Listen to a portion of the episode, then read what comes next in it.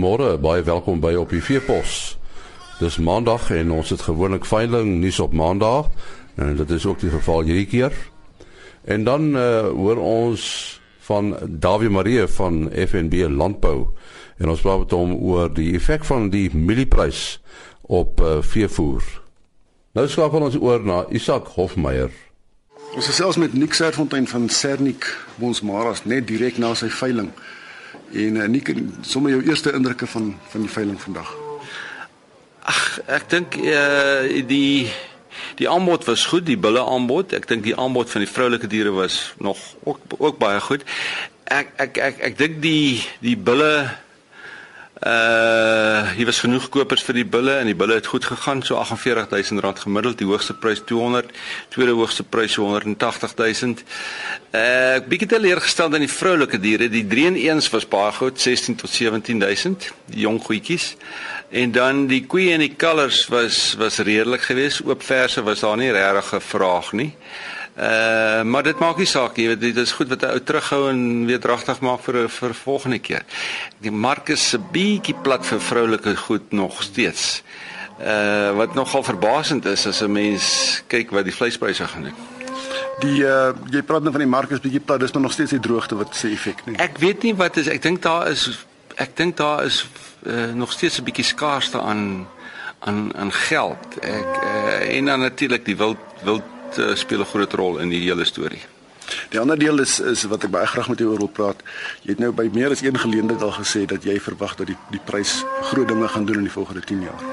Ja, ek dink so as mens kyk wat die buro vir voedsel en landbouproduksie wat hulle voorspel, hulle voorspel of hulle het laas jaar voorspel 'n prys van R55 in 2023, so 20% groei waarvan waar dit van waar dit was. Hulle nuwe voorspelling kom uit ek dink maandag en dit sal interessant wees om te sien wat hulle voorspel. My eie my ek is nie 'n ek is nie ekspert op die gebied nie, maar ek dink my persoonlike mening is dat daar is sekere dinge wat in die mark gebeur wat nogal nogal belovend is. Een van die goed wat gebeur is dat invoere daal en dit is waarskynlik as gevolg van die van die rand. Uitvoere is besig om dramaties te styg. En wat nogal snaaks is ook is dat ewe skielik is daar vanaf Desember tot Januarie Februarie is daar 120 000 meer beeste in die voerkraal. In die voerkrale. Nou wat sê dit vir jou? Dit sê vir dat die die die plaaslike mark is nog plat. So wat sê vir jou? Dat al, al wat ek kan dink is vir uitvoer. So jy weet as ek vandag geld gehad het, het ek nie vroulike diere verkoop nie. Kommersiële goed verkoop nie. Maar jy weet ou moet maar kontantvloek hê ek is nogal baie optimisties oor die oor volgende jaar se pryse. Ek dink daar kom 'n boom wat skrik vir niks. En dan bietjie verder as volgende jaar gesien, jy jy het syfers genoem. Ja, ek dink hy gaan aanhou. Ek dink hy gaan aanhou. Ek dink daar gaan 'n dramatiese uh stygings wees volgende jaar as as, as uitvoere wel plaasvind soos wat dit wat wat wat ek gesien, dan gaan dit net dit gaan net erger word en dan gaan speenkalvers my voorspelling is speenkalvers nou in na Augustus maand uh oor R20 gaan. Gaan jy nooit weer 'n speenkalf koop onder R20 nie. Ek ek glo dit. So oor die algemeen gesien op grond van wat jy sê, het ons 'n baie positiewe toekoms. Ek dink so. Ek dink daar's 'n klaar, daar's 'n bietjie oplewing in die mark, maar ek ek ek voorsien ek voorsien groot dinge volgende jaar. En uh regtig waar ek is ek as ek is is ek geld gehad ek vandag beeste gekoop. Dit was uh, Nick Selfontein en Isak Hofmeyer het met hom gesels. Nou veiling nuus. Op Dinsdag 9 Junie vind die Bosveld Bonsmara Klub se veiling plaas by Valwater Veilingskrale. Vleis sentraal hanteer die veiling. Hugo Vian en Seuns is al vleismenus stoet hou 'n veiling op die 10de Junie by tussen beide op Caledon. Die 14de produksieveiling van die De Jager SA vleismerino stoetse veiling vind plaas Woensdag die 10de Junie te oude woning Roadside. 500 SA vleismerino skape kom op die dag onder die hamer en word hanteer deur BKB Louet. Op 11 Junie vind Mazel Bonsmara se 6de Bonsmara produksieveiling met gasverkopers plaas op Leeufontein, Rustenburg 30 SP bulle en 150 vroulike diere word die dag verkoop. Vleis sentraal hou die veiling.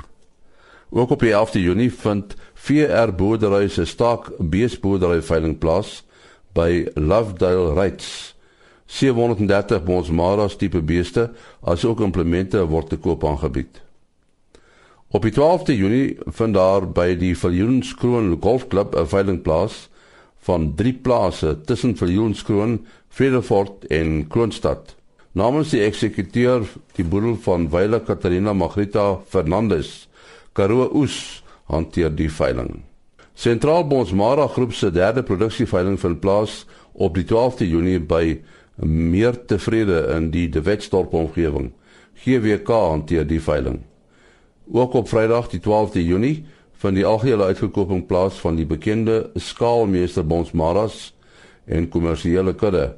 270 SP koeie en verse as ook 50 fase D getoetste SP bulle kom op die dag onder die hamer. Die veiling word hanteer deur GWK op die plaas Fairview in die Heilbron omgewing.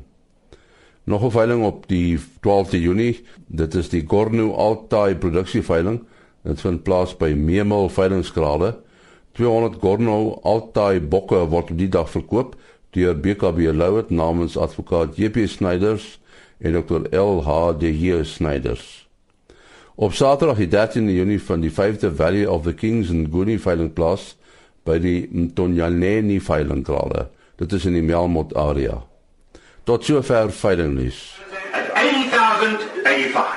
Ons uh, gesels nou met Dawie Marie van uh, van FNB Landbou en uh, ons weet nou almal wat met die mielieprys gebeur.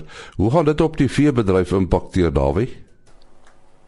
Goeiedag Jenny. Ja, die mielieprys is natuurlik een van die een van die groot insetkoste vir die veevoer. Uh wat natuurlik weer vir die vir die veeboer een van die grootste insetkoste is.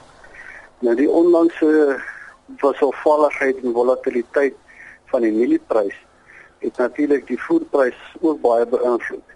Uh wat ook natuurlik moeilik gemaak het vir die vir die veevoervervaardigers uh om tred te hou met met die mielieprys en en hoe hulle hulle insette moet uh prys ten gunste van die van die veeboer. So ek dink op die langtermyn kan ons verwag dat dat voerpryse nog nog kan opgaan. Ehm um, as ons kyk wat die wat die geskiedenis is van die mielieprys ja wat ons ook verwag dat hy dat hy dalk in die middel van die jaar toe dalk nog 'n bietjie kan styg uh soos wat die oes uh begin inkom en ons en ons meer sekerheid het oor wat die grootte van die oes gaan wees. So ek dink daar is nog 'n paar paar kostestygings uh in terme van van veevoerkoste uh vir die vir die veeboere uh op pad. Uh Davie uh prysstygings en die sogenaamde hefboom effek. Uh is dit nogal 'n belangrike effek met die prysstygings veral met die mielieprys? Ja, dit is dit is definitief is dit 'n belangrike effek.